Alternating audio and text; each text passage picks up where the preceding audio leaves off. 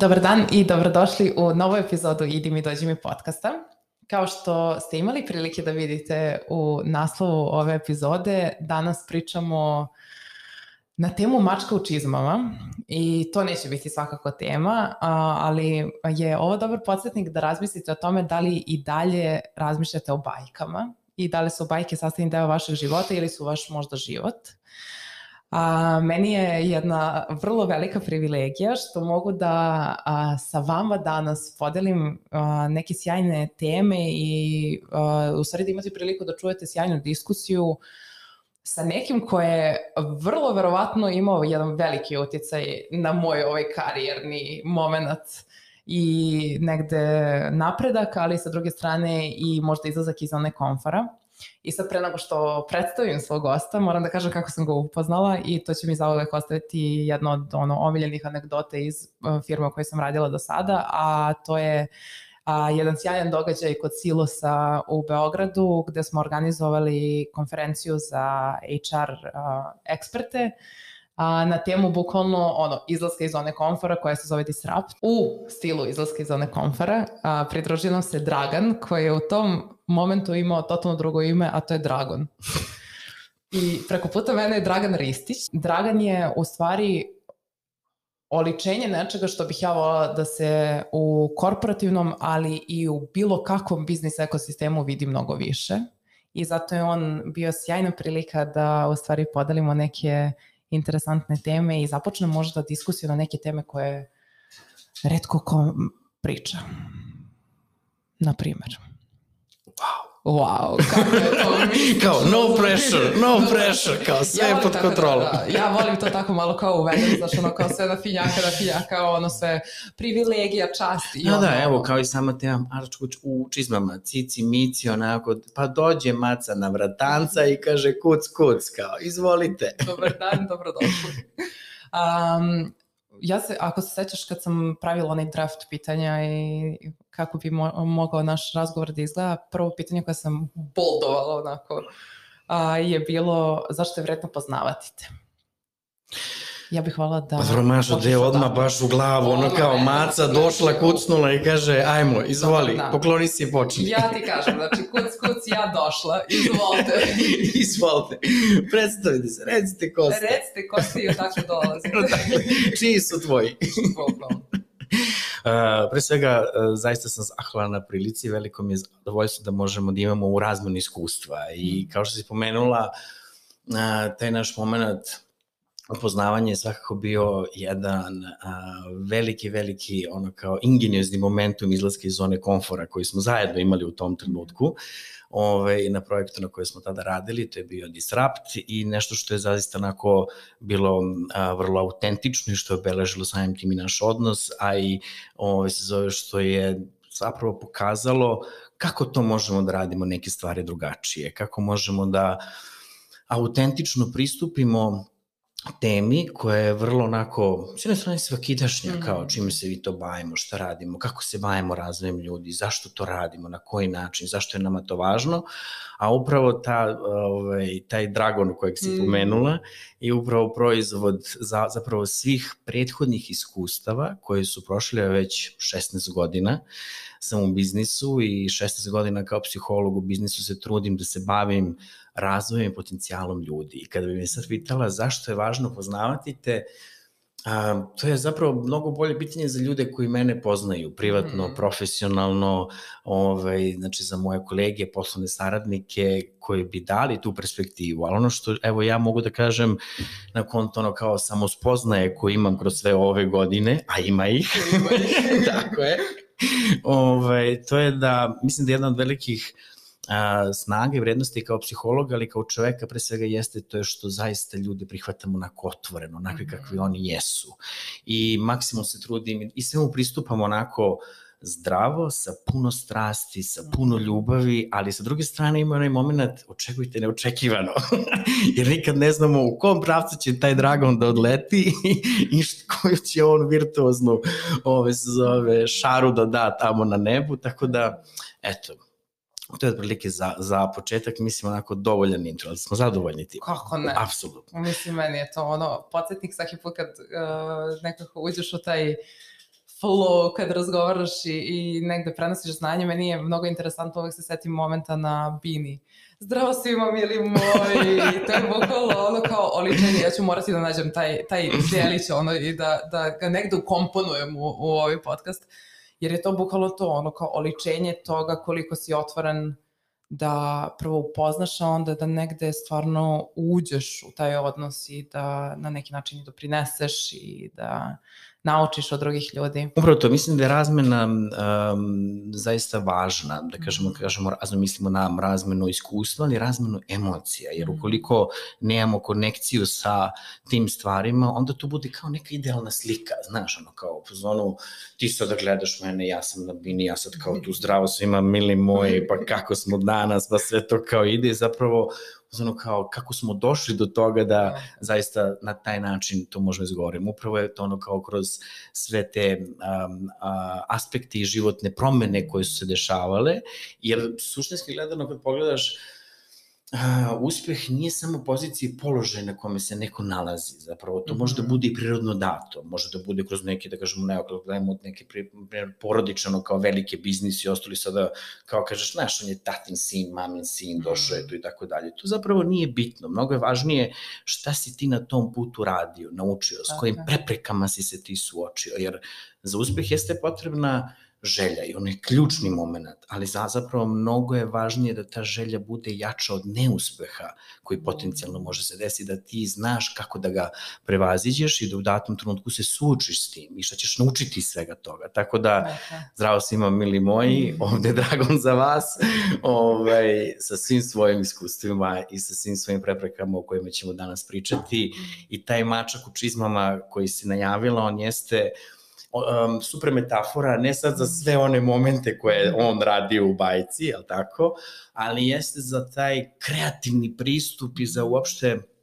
to igranje. Ja sam zaista kroz ono kao svoj profesionalni rad se maksimalno trudio da se pristupam onako metodološki, da prosto da, mhm. da, da do kraja isteram svoje, da prosto ono kao zaista naučim, shvatim, spoznam, da vidim koja je upotrebna vrednost svega onoga što radim i sa druge strane da zaista tu je potrebno da budemo i malo ono kao vidrica što bi se rekli ili kao mm. mačak u čizmama koji će da aha, poveže sve te različite aspekte za jedno više dobro ka jednom višem cilju. Tako da ovaj, i da ulovi onu čuvenu jerebicu i da odnese gospodaru i da kaže ovo je za vas. Tako Izvolite. Tako je. I mnogo mi je drago što si to rekao, zato što ja nekako kad smo pričali uh, kako bi se moglo nazvati ovaj moment, to je naša epizoda i stalno mi se vrtilo to Dragon, Dragon, Dragon, Dragon i kao moramo da ispustujemo taj mom momentum. Ali s druge strane nekako meni je prva slika koja mi pada na pamet kad pričamo o mačku u čizmama, taj moment stvarno kao ja sam mačak i dalje iako sam u čizmama ili i kad nisam u čizmama. Upravo to. Znači, ono kao, mačka ima teret života, ako gledamo s te strane. Da. I ona je vrlo snalažljiva. Ono što je kroz moj profesionalni, lični razvoj bilo to je da zaista uh, se u svakoj situaciji snađem i da u mhm. svakoj situaciji mogu da reagujem što je da, da se dočekam na noge, da sagledam šta se to oko mene dešava i da kažem ok, ovo je sada najbolje za mene. Možda nisu najbolje okolnosti, možda nisu najbolji uslovi, možda nisam ja taj za tu poziciju koju to treba da sredi, ali šta ja od ovoga mogu da dobijem i hajde da vidimo šta ću iz toga naučiti i kuda će me to odvesti. Zapravo ta otvorenost koja je jako važna da imamo u svim tim novim iskustvima, dolazi i gradi zapravo ono kao neku vašu vrstu autentičnosti. Mm. E sada kada pričamo o toj autentičnosti, moramo da budemo svesni da nije lako, da kažemo ono kao suočiti se sa svim tim stvarima. Zašto? Autentičnost sama po sebi iziskuje pre svega onaj moment da moramo da budemo izloženi. Znači da moramo da budemo svesni da se suočavamo sa različitim procenama, pre svega samog sebe, a samim tim i drugih ljudi. Koliko ćemo biti dosledni u svemu tome mm. i koliko ćemo, znači ono kao biti svesni treba da se suočimo sa različitim, čak i pritiscima zavisnosti od toga zarad te autentičnosti koju želimo da ono kao ispoljimo je, da kažemo, ono kao može da ima veliku cenu, svakako, i na ličnom, i na profesionalnom planu, ali sa druge strane možda dovede do velikih promena i da izvrši veliki utice. Mada sama ta autentičnost koja vodi ka kreiranju zapravo novih ideja, isto tako je veliki rizik za druge ljude.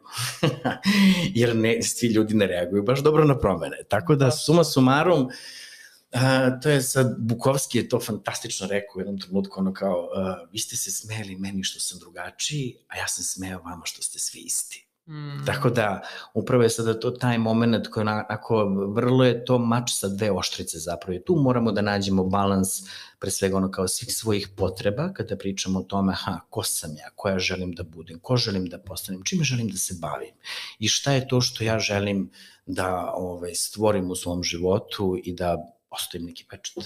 I sad kad se ispriča svašta o tome i kako pronalazimo autentičnost, mada to ćemo sigurno produbiti dalje. Um, kada pričamo o potrebama, kada pričamo o tome ko sam ja, šta želim da budem, šta želim da postanem, a, meni je negde logičan sled događaja da te pitam o, ono, ko si ti sada, a ko si bio pre IHH i godina kako je to zvučalo. Nemoj Mašo, to se kao pre IHH i godina. znači, ko si ti? Ima, ima, e. Pazi, ono što je karakteristično za mene, taj moment očekuje neočekivano je vas da bio vezan za svu tu moju kreativnost koja je od malena bila i tekako prisutna. Ona je uh, bila proizvod zapravo ono kao svih egzibicionističkih mojih ono kao aspekata istraživanja. Zapravo ja sam zaista imao tu sreću da od strane svojih roditelja budem podržan, da ja imam svu slobodu i prostor da istražujem, da imam svu slobodu da prosto ono kao mogu i da pogrešim, da imam svu slobodu izbora u tim segmentima, da su oni zapravo bili tu koji su mi davali te neki referentni okvir i ovaj, pravili određene putokaze, znači ne jedan ono kao putokaz, već putokaze. I kada pogledamo taj deo, to mislim da je bila ključna baza za taj moment istraživanja. Naprimer, kada sam trebao da upisujem srednju školu, meni je bilo u fazonu kao, ok, ja hoću da upišem gimnaziju. Zašto? Pa zašto još uvijek ne znam šta je to što hoću da budem, ali odatle ću imati bazu da mogu da završim, ove se zove, da idem u nekom drugom pravcu koji je meni bitan i koji će mene tada inspirisati. Nisam imao pojem iskreno čim ću se baviti. Kao mali sam uh, igrao folklor jako dugo, znači od pete godine sam počeo da igram, prvo sam se bavio folklorom, pa sam onda išao, na, ove, bavio sam se sportskim plesom. Ja sam jedno 25 godina godina proveo na sceni između ostalog i ta lepota igre, plesa koja zapravo oslobađa i koja ti daje jedan potpuno novi univerzum i pristup svim tim emocijama koje nisi ni znao da možeš da iznedriš, da pokažeš, da manifestuješ ove, na sceni i upravo nešto što mi je bila vodilja za sve neke druge aspekte. Konkretno, kada sam bio u srednjoj školi, I druga godina, tada smo se upoznali sa psihologijom, je tako? Meni to bilo kao, vidi, vidi, vidi, ovde ima sada svašta nešto novo, kao kako sad mi to razmišljamo, kako to sve dolazi, kako ja sad znam da osjećam to što osjećam, odakle je to sve poteklo. I to je bio prvi inicijalni moment gde sam ja rekao, ha, psihologija je znači nešto što mene zanima. A onda, sa druge strane, ove, kako sam znao šta je to što me ne zanima, to je bilo vrlo zanimljivo, imali smo čas informatike, to nikad neće zaboraviti, tada su samo da kažemo, znači, pošto je to bilo pre IHH vremena, vesele 90. je tako, i kad te je bio u povoju i tad, nis, tad nije mogo svako da ima svoj računar, sedelo je po nas dvoje, troje, zavisno s toga koliko nas je bilo u grupi na času, I dolazi profesor, ja sam bio s dve drugarice tada u grupi, takav je bio raspored i on kaže, ukucajte space na tastaturi. I mi se pogledamo i kažemo, ok, ukucaj. I ona kuca, S, P, A, C, E. I kao, evo ukucali smo profesore. Space je najveće dugme na tastaturi. Tako da tada sam svakako saznao da ono kao, ok, to nije nešto što mene zanima. Međutim, ono što je ključna stvar što, što bih teo da kažem, jako je važno da u tom trenutku prepoznamo da li ipak postoji nešto što vas zanima u tom spejsu. Da li postoji nešto što će vas ono kao povući dalje i ja do tada zaista, ok, od tog trenutka sam ja lično shvatio da je za mene IKT treba da ima upotrebnu vrednost, da mi olakša moj dalje životni put, profesionalni put i da prosto budem apsolutno na nivou upotrebne vrednosti tog proizvoda, ali ne da se time bavim. Sa druge strane, nekima to može da bude upravo ta inicijacija i zato je važno da uvijek budemo otvoreni u tim iskustvima. Gledao ja to posle kao Igor, ja nešto igrice, mlatio, mislim, ništa mene tu nije zanimalo, ali me je vas da zanimalo, ok, kako se razvijaju ti odnosi, kako mi to uspostavljamo te relacije, zašto gradimo te odnose, zašto imamo potrebu da idemo u toliku dubinu svih tih ovaj, odnosa i emocija i zapravo nekako je psihologija onda došla kao spontani moment da kažem, e ok, to je to. Sa razvojem kad sam već upisivao faks, to je bilo, možemo da kažemo, 2001. godine, Ovaj, a, tada... Ja sam sad imala godinu i po Tako je, Mila, tako je. E? e, ne, či samo da možemo da vidimo da posle, da, da imamo generacijski jaz, ali vratit ćemo se na taj moment koliko je zapravo sve isto, isto i sve je to basic. Kada sam upisivao faks, ono što me tu posle najviše privuklo, je upravo taj moment biznisa. Mm. Marketing je tada bio u povoju, Kotler je tada jel te, bio vrlo zastupljen i psihologija u marketingu mi je upravo bila idealan spoj da vidim aha, kako mi to reagujemo, zašto reagujemo, zašto imamo te impulsivne kupovine. I u početku Dragan je mislio ja ću biti marketinški mag, razno, ja ću se baviti time, pogotovo što uh, reklame su mi tu bile naravno najzastupljenije, mm. to mi je bilo ono kao sve ono, kao, mislim kao i svim klincima da da šljašti, blješti, kako to se sad sve ono manifestuje. I uh, kroz studije prvo iskustvo koje je bilo vezano, bilo je vezano upravo u marketingu. Znači, krenuo sam ono kao od Kati centra, tako reći, u čuvenoj GFK kompaniji.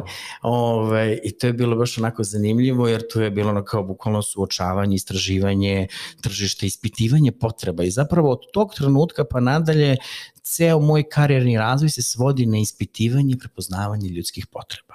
I zašto mi ili reagujemo ili zašto zapravo nešto koristimo i na koji način pristupamo zapravo određenim stvarima. I to je bilo fantastično iskustvo jer kroz uh, A, sve te moje razvojne aktivnosti u marketingu sam bio nekih pet godina, paralelno ono kao sa fakultetom, radići posle toga, znači ono kao i central location testove, znači testiranje proizvoda, testiranje reklama, ovaj, fokus grupe, ispitivanje, znači ono kao svih tih ključnih ono kao motiva koji su važni uopšte za pravljanje bilo koje ono kao strategije I taj moment mi je bio ono kao super, zaista. Međutim, onda se dešava jedan onako plot twist. Dešava se univerzijada 2009 gde ja dobijam preporuku sa fakulteta od moje profesorke da budem deo nacionalnog tima tada, to je kao nacionalni tim, ono kao velike HR-a koji će da vodi ceo taj proces i tu sam radio kao konsultant i to mi je bilo predivno i tada, iako sam već bio ubeđen, to je to. Znači ja sam u marketingu, tim vodama idem, tu se profilišem, to radim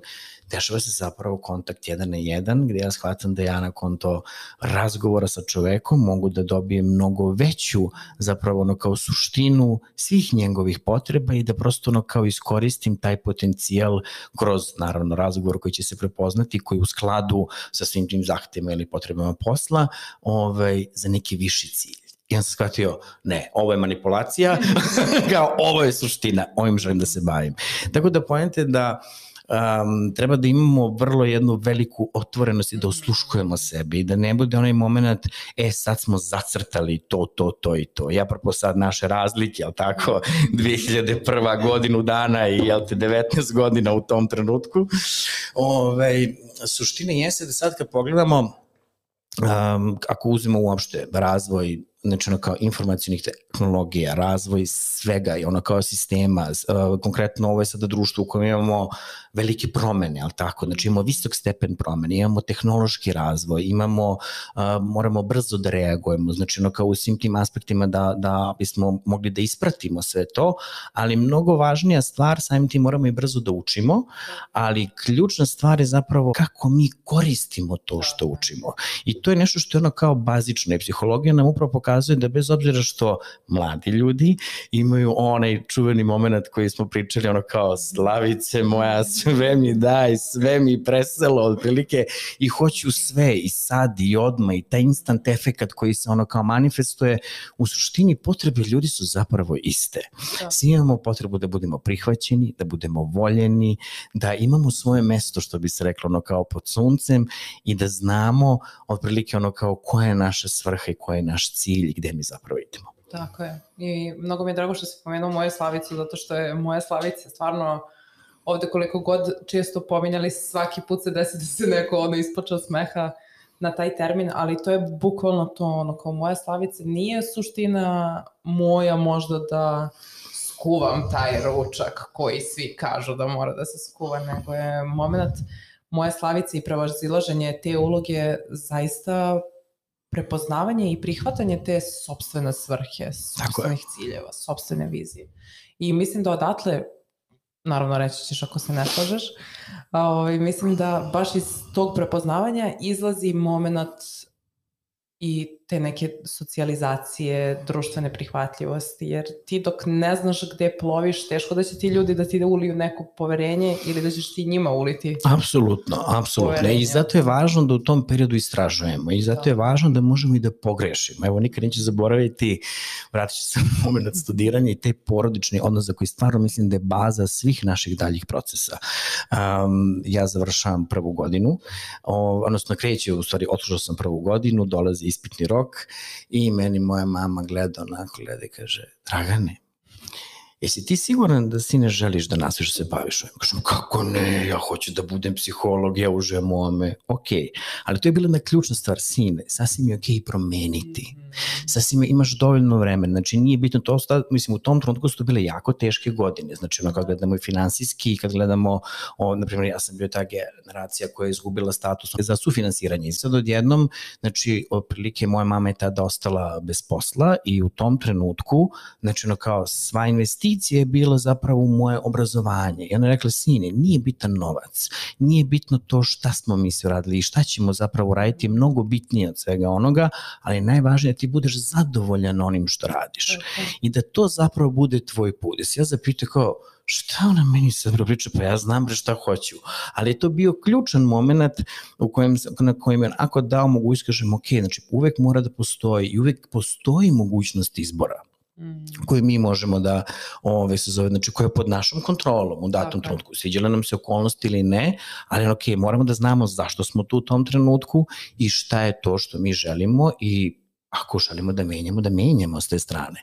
A s druge strane se dešava moment kad je ona meni rekla, dobro Dragane, ja vrlo dobro znam kako izgleda kad ti učiš, a kad ne učiš. A onda se javi taj, naravno, ono kao mladalački bunt, kaže, ne studiraš ti, studiram ja. koji ti se naravno olupa ono kao glavu u datom trenutku, tako da je to ključni moment, treba da kažemo, ok, trebamo znači ono kao i da čujemo. Ne, ne, ne, znači nije bitnije samo ono kao slušati. Kad pričamo znači ono kao čuveni moment aktivnog slušanja i sve to što kao danas pričamo u svim tim ono kao aspektima, nije pojenta slušati, pojenta je zapravo zaista i čuti. Čuti, tako je. Upravo to. Tako je.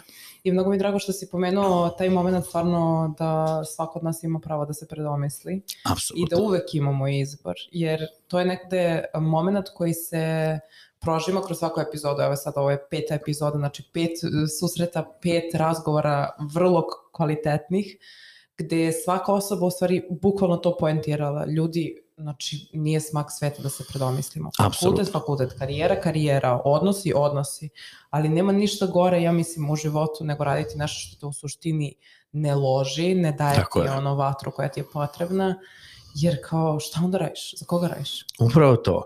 A, ključna stvar koja je meni bila u tome, znači ja sam kroz svoj, da kažem, taj karijerni razvoj imao različite svičeve, znači kao u smislu, prvo sam bio u uh, marketingu, pa sam se prebacio, znači ono kao otkrio sam da je zapravo HR taj koji um, u, u pravacu stvari kojim ja želim da se razvijam, da se bavim ljudskim resursima, jer to je najveći zapravo, to nije samo resurs, to je kapital svih nas, znači ono kao u nama samima pre svega, samim tim ono kao i ljudima koji su nosioci zapravo svih biznisa. Firme postoje zahvaljujući ljudima, između oslo koji to radi koji to ove, se sprovode. I onda je ključni moment bio A, znači, odatle ja prelazim u korporativni set, ulazim u Delta Holding i postajem, znači, i to pritom ulazim spontano, potpuno, znači, ono kao opred spletom životnih okolnosti koji je bio, a, tata se nažalost tada povredio i u tom trenutku ja sam sada bio jedini nosilac prihoda. Mm. I sada kao takav, znači, prosto na kao vi, da bi, vi imate jednu novu odgovornost koja do tada nije bila primarna. Znači, ok, ja sam radio, studirao, uživao, tada sam se već, tada sam radio kao trener, klincima, prenosio znanje, na folkloru putovao. Znači, za mene je to bio ono kao maltene živeo sam svoj san, ono kao s te strane, u svim segmentima na nivou svoje kreativnosti, istraživanja, prenosa, razmene znanja, ali vas onda život ide u drugom pravcu. Šta radite tada? Upravo je tad pojenta da moramo da ono kao poslužimo sve svoje resurse i to je sad onog trenutka kada kažemo psiholozi to uvek vole da naglasi, mi uživamo u tome zaista da kažemo ono kao kriza je zaista prostor za razvoj. Kako god to zvuči nadrealno, znači ono kao u svim segmentima nik neće zaboraviti, to je bila treća godina, tema mentalnog zdravlja, gde nam se to saopštuje, te kažem, i u tom trenutku, sad ne znam da sećaš toga, to su bile čuvene poplave u Jaši Tomiću. I ovaj, gde meni bilo kao, ali kao ovo je idealan trenutak ili je kriza prostor za razvoj. Ja kao, znam, kako sad čoveče prostor za razvoj, ljudi su izgubili sve, kaže, ali upravo na konto toga vi morate da angažujete sve svoje resurse i to je ono kao Boris ili beži u datom trenutku i moramo da vidimo šta je to što mi možemo zapravo sve da iznedrimo je da bismo uopšte otišli u zonu narednog razvoja. S jedne strane, znači mi moramo da pogledamo koji su to naši resursi. I upravo sada kroz ceo taj aspekt, ono kao svih tih promena koje su se dešavale, ja sam ušao u sistem koji je bio, zašto? Meni je bilo zanimljivo da pravim kafu. I ja sam bio uzon, ok, ja sam godinu dana bio tu i tu napredao, bukvalno ono kao pomoćnik bariste, barista, zamenik menadžera, menadžer lokala, meni to bilo fenomenalno. Ja sam tu uživao, ali kao to je bilo za vreme, ali to vreme sam bio uzon, ok, ovo sada nije idealan posao kojim ja želim da se bavim, ali jeste vezan za određenu vrstu razmene, jeste vezan za određenu vrstu prosto ono kao spoznaja potreba pre svega ono kao ljudi i što nebitni ispitivanje tih potreba. Jer kroz taj čuveni moment onoga dobar dan izvolite, kada krene komunikacija, tada zapravo se otvara ono kao jedna potpuno nova dimenzija u kojoj vi zaista treba da o, prepoznate šta je to što ta osoba želi, šta je to što će u tom trenutku ispuniti. Meni je to bila inspiracija da krenem dalje i da kažem aha, hajde sada da se igram sa svim tim stvarima i da prosto vidim kako ide. S druge strane sam stvar stvarno, ja koji ne volim ono kao a, rokove i sve te stvari, meni je to od uvek bilo ono kao ne, ne, ne, ne, ne. E, pošto sam ja bio klasičan kampanjac u većini svojih slučajeva, znači sve je to, Dragan će to lagano, sve je to super i kad onda dođe, znači ja pred ispit ili bilo šta, to se po dve nedelje ne spava, ne jede, samo se radi, uči i tako to. E, tako je bilo ono kao i u ovom segmentu. I sad, upravo zbog svih tih stvari, sam taj posao u Costa Coffee je meni jako pomogao da ja se naučim određenoj strukturi. Na fakultetu, kada sam počeo da radim, ja sam već sada bio, na primjer, nekih šest meseci sam radio u McDonald'su pre toga. Znači, da sam opet dobio jedan sistemski ono kao pristup radu koji je jako bitan. Tu imate stroga pravila, ponašanja, procedure, protokole koje trebate da, da ispoštujete.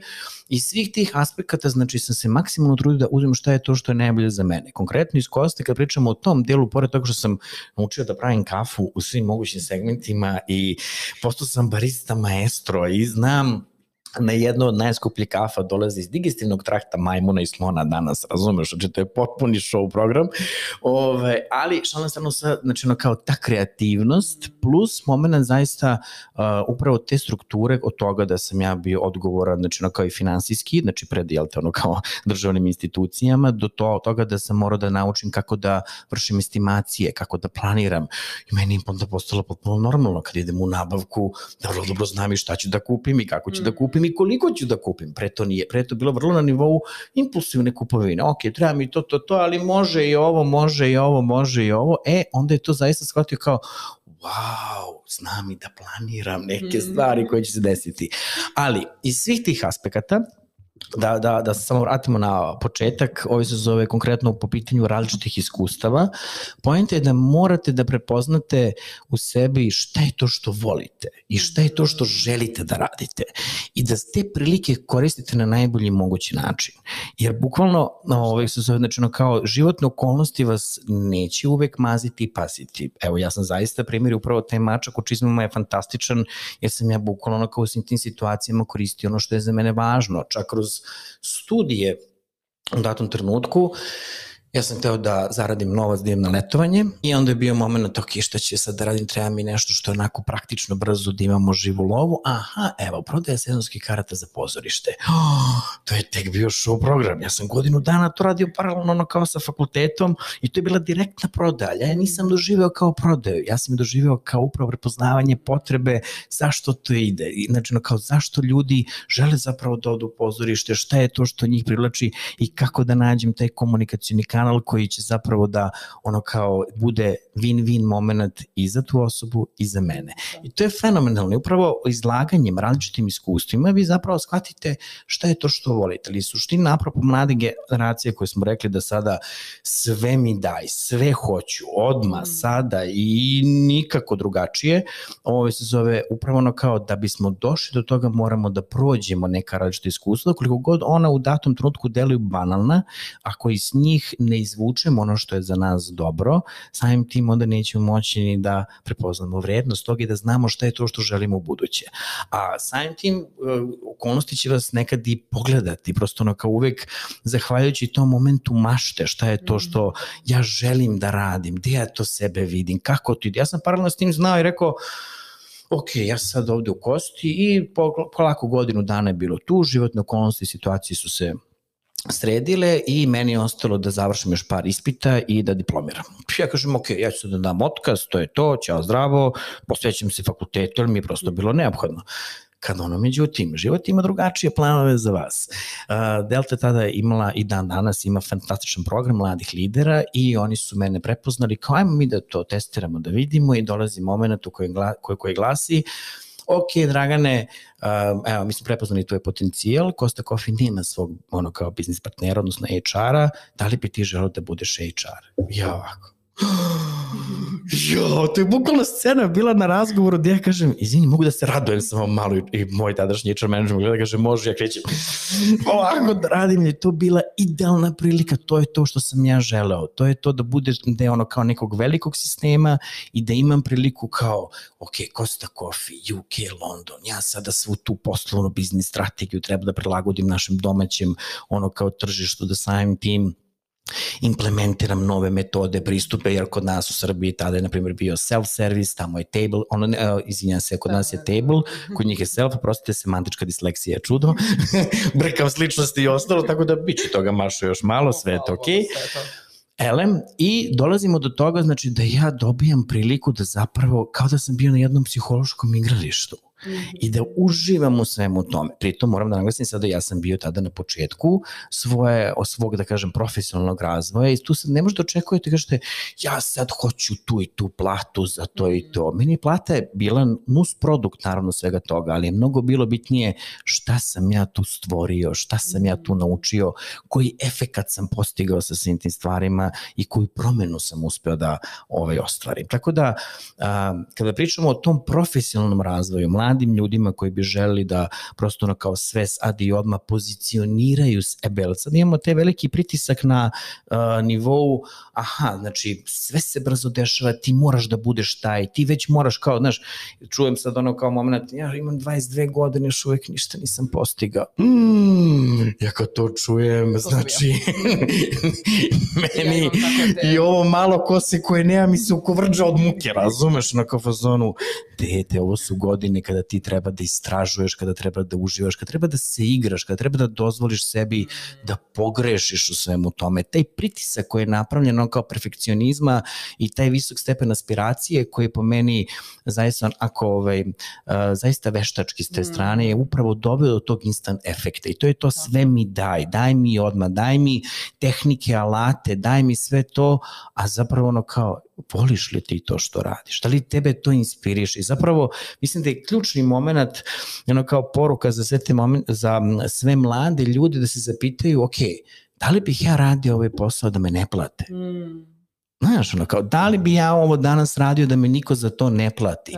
To je ono kao, to je osnova zapravo svih tih pokretačkih ono kao aspekata. A sa mm. druge strane, imamo moment onda prosto ono kao mladi ljudi iz, izlaze sa veoma visokom slikom o sebi, jer sad Apsolutno. imamo, znači, ono kao zaista savremene pristupe na fakultetu u okviru psihologije, oni danas rade coaching. Izvini, molim te, ja sam za coaching saznao tek 2016. na primjer. Znači, ono kao u tom trenutku, ono kao, to je sada potpuno drugačiji program. Mnogo je sve dostupnije, Da. mnogo je sve um, brže s jedne strane, ali mislim da nažalost zbog sve te brzine i dostupnosti da mladi ljudi ne znaju da postave sebi pitanje zapravo, da ne znaju da postave prava pitanja i da tu tehnologiju koriste za sebe. Baš to.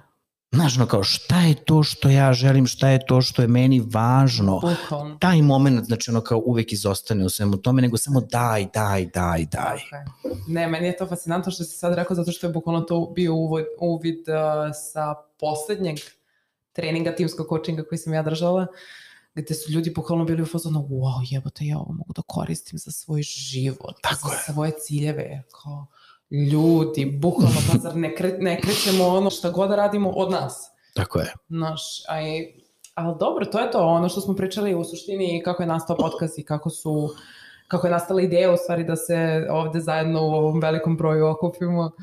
A, to je bukvalno to ono kao sada u, u fazi kada je toliko dostupno znanja, kada je toliko dostupnih informacija, hajde da olakšamo konzumaciju tog znanja i hajde da u stvari se vratimo na onu upotrebnu vrednost o kojoj ti konstantno pričaš, a to je bukvalno ljudi iz iskustva se najviše uči. Upravo to. I kroz različite razmene. Sve je tu jako bitna stvar, sad kad si pomenula taj deo učenja, e, konkretno, evo moje iskustvo vezano za taj korporativni deo, znači ja sam ušao zaista u jedan veliki sistem i u tom trenutku e, Delta Holding, znači ono kao je imala i dan danas, kao i tada, znači ima ono kao velike sfere, znači ono kao poslovanja u kojima je zaista veoma uspešna ja sam bio u okviru Costa Coffee, ali to je bio deo jednog velikog sistema i kad pogledate taj sada korporativni deo, on je meni zaista mnogo značio na nivou toga, aha, da ja spoznam i da shvatim, ok, ono kao, kako ja mogu da se razvijam, koji su sve to pravci, znači koji su to procesi, protokoli, procedure, strategije koje se tu razvojno onako pravi postavljaju, kako se upravlja biznisom iz različitih segmenta kroz različite poslovne divizije koje ono kao postoje u okviru jednog ono kao sistema i to je fantastična stvar, zaista. Tada vi možete da vrlo lako vidite da testirate sebe sa aspekta, ok, koliko sam ja zaista fit onda u svemu ovome, je to dovoljno dobro za mene u smislu na nivou moje brzine i mog razvoja ili ja želim nešto drugačije, znači jer korporacija ima takođe svoje limite, a to je da u nekim segmentima, pogotovo ako uzmemo državne ono kao sektore, znači ono zaposliš se pa posle tek jedno 5-10 godina možda pomisliš ono kao čuveni Pantić, mlađi viši referent, razumeš, ono kao, mislim, s te strane, znaš, ono kao, prilike, to ima svojih limita. U privatnom sektoru je potpuno drugačije, privatni sektor je svestan da upravo mora brzo da reaguje na promenu kako bi bio uspešan u uh, svoje delatnosti. E sada samim tom, ta brzina promena za nekoga može da bude limitirajuća i možda želi više, može da vidi da upravo taj sistemski protokol koji ono kao mora da se, što je u nekim segmentima zaista ograničavajući. I onda šta radite? Ili ćete upravo to da menjate ili da tražite drugi sistem, ali da bismo znali šta je to što je zapravo nama fit i, i šta je to što mi ono kao uh, želimo i prepoznajemo sebe, moramo upravo da spoznamo koje su to naše vrednosti. Jer upravo sad ono kao u, u toj trci za svim tim novim, da kažemo ono kao saznanjima, znanjima, mi sad, jel te, samo to je kao, ok, mi prikupljamo, prikupljamo, prikupljamo, to je kao kad gledamo iz ovaj psihološkog aspekta, kao skupljači. Ja Mhm. zaista ne vidim nikakvu razliku između, znači ono kao, ove se zove ljudi koji će da lagiraju stvari i lju- ljudi koji će da lagiraju informacije, sertifikate ili znanje. Poenta je šta radiš sa tim, kako to koristiš, upravo to što se rekla. Kroz ceo taj aspekt, lični, profesionalni razvoj su neizmerni. Znači, posao je važan deo našeg identiteta i zato je ključna stvar da ukoliko um, znači, ono, kao nismo svesni toga šta je to što mi volimo da radimo, da zaista preispitujemo sebe i da zaista onako vidimo koja je naša svrha, koji su naši to ciljevi, sa kojom emocijom idemo, jer ukoliko nema te emocije, to je kao, kao da smo zaljubljeni, jel tako? Znači, ono kao, ako nemamo te leptiriće koji će da nas vode i ako nemamo ono kao svest o tome kako se mi osjećamo na tom putu, mi samim tim ćemo i da gubimo na svoje autentičnosti. I onda je važno da znamo, aha, koja je to kompanija, koji je to sistem u skladu sa našim vrednostima koji će da podrži našu autentičnost. Ali da bismo uopšte imali svest o tome, vrlo je važno da gledamo, aha, da, da tražimo feedback. Mm -hmm. To je ključna stvar, znači ono kao da tražimo feedback na ono što mi manifestujemo i da vidimo koja je zapravo razlika između idealnog i realnog. Jer tu mhm. često dolazimo do ove se zove znači ono kao tih razlika koje nama nisu baš uvek jasne. A trenutno mislim da su mladi ljudi zaista u prilici da testiraju to na razne načine. Trenutno su dostupne različite baterije testova, u različite metodologije, na osnovu kojih vi možete da upoznate sebe, na osnovu kojih možete da prepoznate svoje psihološke potrebe. Šta je to što vas motiviše? Šta je to što vi želite da radite? Zašta vi zapravo ono kao izgarate i da bukvalno kao i u vezi posle izgradite jedan onako zdrav odnos, mm. pre svega sa samim sobom, samim tim i sa kompanijom. Iako je sada, na primjer, ta kompanija nije u skladu sa mojim vrednostima, da li bih ja sada znači, trebao da radim u nekoj drugoj kompaniji da li je uopšte treba da idem da radim kao preduzetnik, da li treba da pokrenem nešto svoje, da li će to biti moj cilj, odnosno moja svrha koju želim da ostvarim u svim tim segmentima.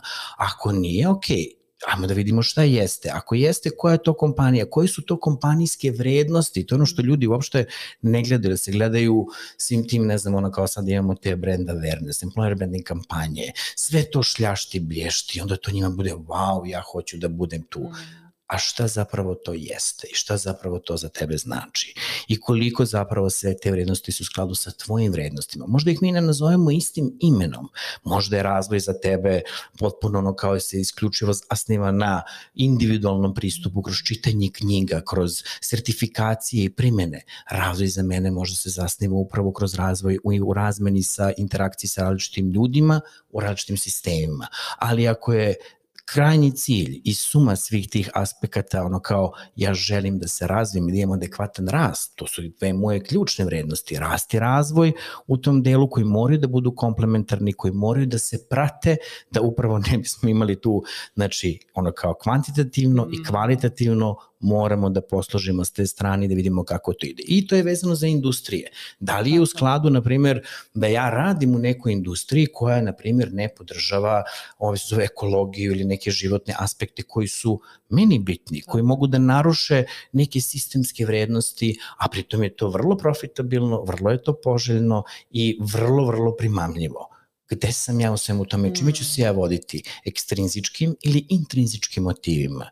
I, če, i čemu ću ja zapravo tu pristupiti, da li ću praviti kompromis od toga da kažem, ok, hoću da budem u toj industriji, ali ta industrija sada zaista ima najsavremenije metode i tehnike rada? I da posle toga to primenim u neku drugu svrhu ili ok, to definitivno jeste industrija u kojoj ja želim da se razvijam. Sjajno, pazi, to je bukvalno ono, sve otprilike ka čemu mi svi težimo ovde u, u kompaniji, a to je bukvalno ajde da počnemo od početka i da stvarno saznamo koje su to naše vrednosti. Tako je. Šta je ono zašto mi živimo i šta je ono što nas vodi kroz život koje je nešto što će nam omogućiti u suštini da napredujemo i u fazi kada taj napredak možda izgleda daleko, daleko ili nedostižno. E, ali zato je važno da uvek mm. maštamo i zato je uvek mm. važno da stremimo ka svim tim različitim aspektama, ali da osluškujemo sebe. Znači da osluškujemo i kada pogotovo ulazimo u bilo koju razmenu sa ove ljudima. Meni je najzanimljiviji deo bio kada sam ušao u, u korporativni sistem dolazi moj prvi moment izveštavanja, HR business partner pravi izveštaje, treba da imam na sastanak sa direktorom i dolazi moj tadašnji mentor i kaže, Dragane, ovo je sjajno. Još se ja trudio kao A4 izveštaj za svakog zaposlenog to da stigne kaže, pa ti misliš da će on imati vremena sve to da čita? Ja kažem, molim, treba da izvučemo ključne stvari, znači ključne snage, ključne razvojne oblasti, akcijni koraci za razvoj. Ja kao, samo to. Ali to je jako bitno da vi u datom trenutku, ono što smo rekli, čujete, znači da tražite adekvatnu podršku i pomoć od mentora. Mentorski odnos za mlade ljude je jako bitan i jako je bitno, da to čak i budu ljudi iz različitih branši. U pitanju je bio, moj prvi mentor je bio Safona, i on mi je mm. jako pomogao da samim tim, znači svoje, upravo ono kao psihološke aspekte prilagodim biznisu i poznavanju mm. svega toga. Konkretno da nisam prošao u kosti taj put, bukvalno od pomoćnika barista do menadžera, ja zaista ne bih znao kako se on suočava sa svim tim izazovima i šta je to što je sve njemu potrebno na tom putu da, da bi on zaista obavljao adekvatno svoj posao i da taj kapital mi možemo da koristimo na pravi način. I upravo je tu sada taj mačak u čizmama onako bitan koji treba da gleda sve te aspekte i da ih povezuje da kaže aha, znači ovo je sada taj način i taj pristup. Jer bukvalno na kontu toga ja nikad ne bi saznao da gost možda dođe i ti kaže što ja sebe da platim ovaj kolač koji sam pojeo? I ja kao, znaš, kad bi ja to kao psiholog da je samo došao u biznisu, rekao, ma daj, nemoguće da ti se to desilo. Ali upravo kada radite taj ono kao deo customer care, komunikacije, razvoja, usluge, to su ključni aspekti. Meni je to iskustvo moglo da bukvalno onako implementiram sve ono što je važno za taj biznis i da mogu da pomognem ljudima da još bolje obavljaju svoje posao i da im olakšam taj put.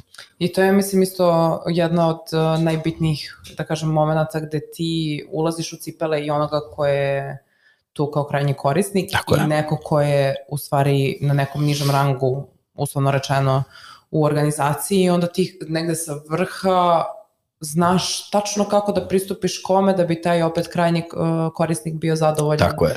Kako bi dostigli opet neki učinak koji je neophodan. I to mi je stvarno ono drago što si pomenuo, zato što mislim da a, ja prva sam imala tu sliku kad sam bila mala a ja kad završim fakultet, pa kad dođem u neku direktorsku poziciju, pa bam, dobar dan, a u suštini nije i meni je mnogo drago što sam ja opet imala tu porodičnu, da kažem, um, energiju, odnosno takvu situaciju da je mene tata bukvalno u startu ono kao, hoće budeš direktor, evo ti peri sudova u kafiću. Tako je, upravo to. Ja sam sa svojim tatom, moj tata je bio mašinac, mama je, uh, je bila ekonomista, niđe veze sa psihologijom s jedne strane, ali što bi se rekli u datom trenutku, zbog stice okolnosti, tata je krenuo da radi, ovo se zove, da bude, da se bavi parketom i bi ono kao preduzimač u tom nekom delu i bilo je, aj ti mali lepo ovdje, slaži levi, slaži desni, da, ti, da ti stvaraš neke radne navike okay. i upravo sva ta iskustva, znači ako ja definitivno nemam veze, ono kao sa tim i kad smo imali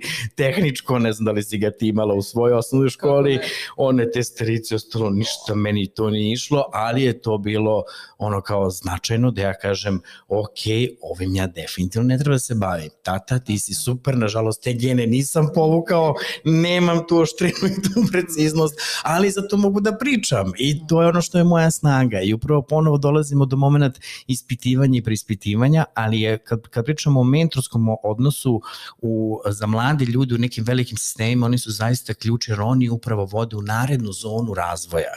Jer upravo, ka, mislim, ako gledamo psihološki, Vigotski je to jako lepo objasnio. Dete kroz svoj razvoj se razvije uz podršku odraslog, koje mu daje psihološku bezbednost da je sasvim ok pogrešiti i vodi ga i brine o njemu na tom daljem mm. koraku koji on treba da ostvari volim što smo se dotakli tog mentorskog aspekta u stvari u sistemima, jer mislim da nam toga možda u određenim kontekstima fali ne samo u sistemu sistemu, nego bukvalno ono, od toga kako pristupamo karijeri, pa neko ono svojevoljno, da kažem, moja režija mentorskih programa i Upravo to, ali to je ključna stvar, samo da napomenemo da, da taj odnos ne mora nužno da bude uspešan.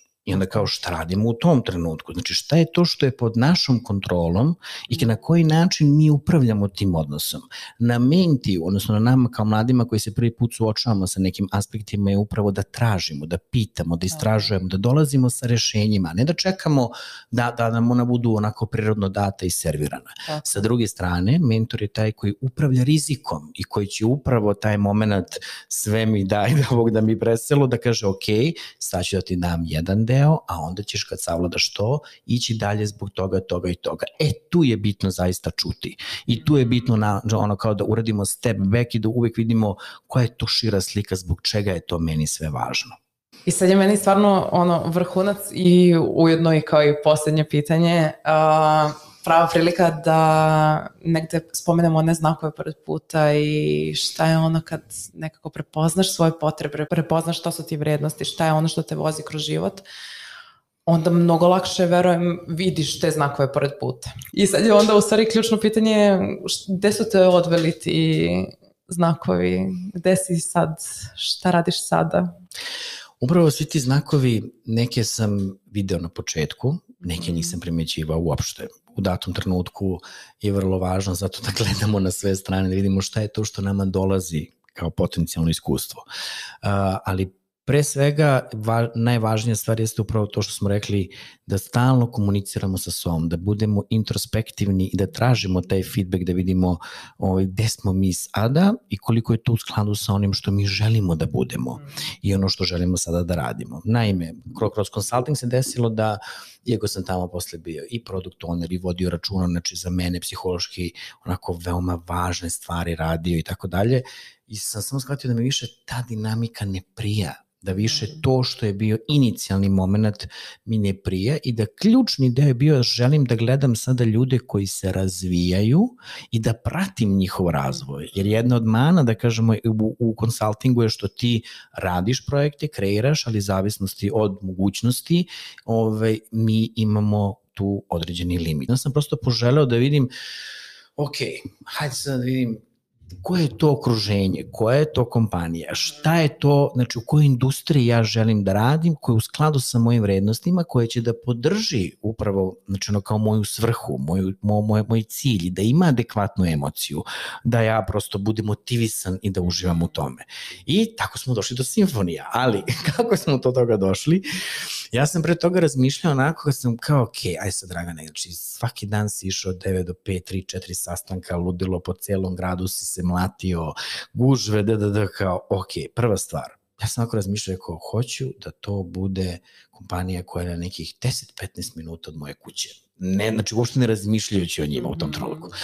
Hoću da mi bude onako lagano opušteno, da imam fleksibilno radno vreme. Ja volim da spavam ujutru, ja, moj, znači, moji cirkadilni ritmovi su podešeni na popodne, to je to, tačka, ja, ševa, nisam, sova, jesam.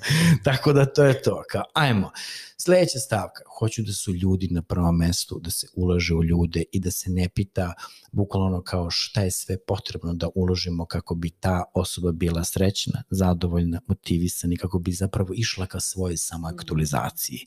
Samoaktualizacija upravo uključuje sve te aspekte, prepoznavanje svojih potreba i koja je moja svrha i šta je to što ja mogu da dam. I upravo to je suština koja mene ono kao tu vodila, iako kroz consulting ja sam se susreo sa simfonijem u jednom trenutku, ali ma kak i na pameti mi oni nisu bili, ja sam tada bio u fazonu, šta bre tamo to IT-evci, kao la, la, nema veze, međutim on sam razmišljao kao, ok, ali IT industrija je industrija u kojoj se najviše ljudi igraju, ja volim da se igram, to je nešto što meni ono kao pre svega prija, a druga stvar, konkretno kada pričamo o simfoniji, zašto simfoniji? Baš zato što su ljudi na prvom mestu. I simfoniji pre svega čine ljudi koji upravo svojim znanjem, ekspertizom i doprinosom razvijaju i rade i stvaraju i predstavljaju predstavljaju zapravo tu kulturu autentičnosti.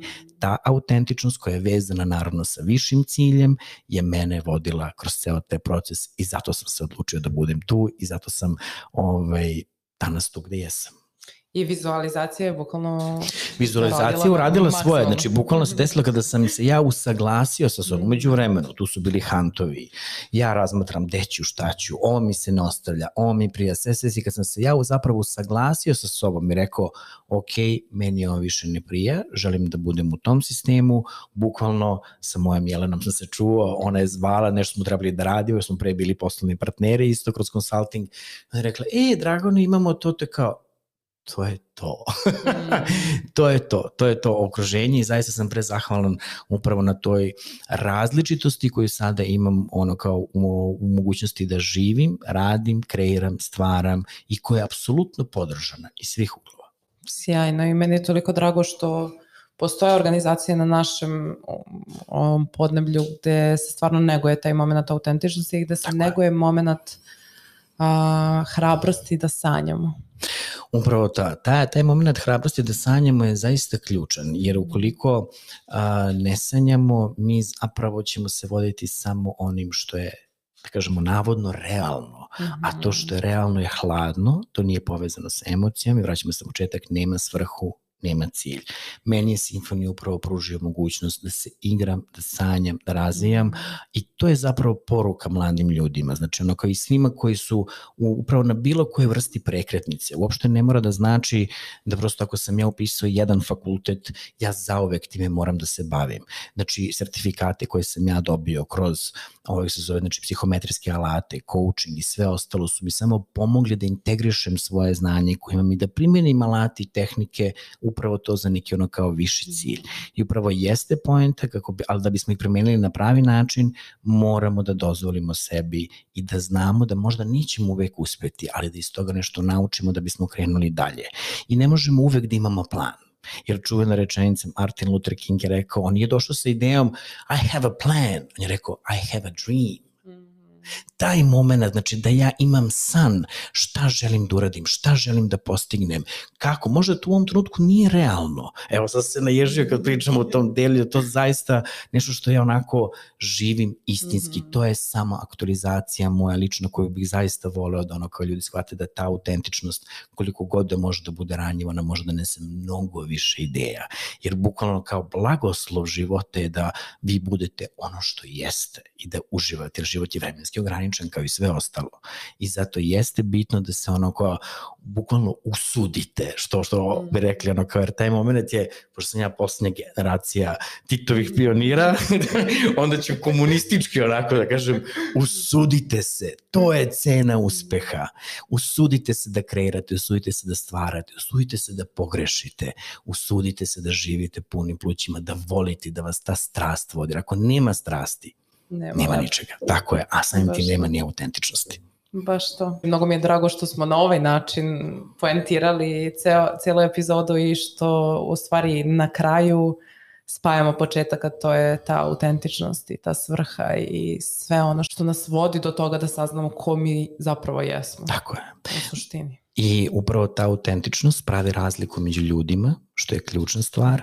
Iz te različitosti mi možemo mnogo toga da naučimo, ali opet volio bih samo da taj deo potretamo. Važno je da pričamo sami sa sobom i da pričamo o svojim potrebama, znači da ih prvo ono kao prispitujemo, da samim tim ih spoznamo, samim tim da pričamo, jer ukoliko onda pričamo o tome da imamo put i možemo da znamo znači šta je to što je nama važno i šta je to što će nas voditi na putu gde želimo da stignemo, odnosno tog cilja koji smo postavili, a koji treba uvek da sanjamo. Meni ostaje samo da ti kažem hvala ti. Hvala tebi Maša, zaista zadovoljstvo je moje bilo da imamo ovako lepu razmenu, jer ti si ta koja neizmerno sanja i koja svakako deli te svoje snovi. Hvala ti što si podelila ovaj svoj san sa mnom. Hvala tebi što si bio i što aktivno učestvuješ u tome da nastavim da sanjam. I Absolutno, da... i vrlo autentično moram priznati, autentično. zaista. I u ovom maniru ja nemam ništa drugo da vam kažem, sem da se usudite da pronađete ono što jeste zapravo i da istražujete kopate po onim dubinama svoje duše i, i svog uma i sebe kao biće da biste saznali šta je ono što je vaša suština i šta je ono što želite da budete kad porastete. Mi se vidimo za dve nedelje. Znate šta vam je činiti kao i svaki put.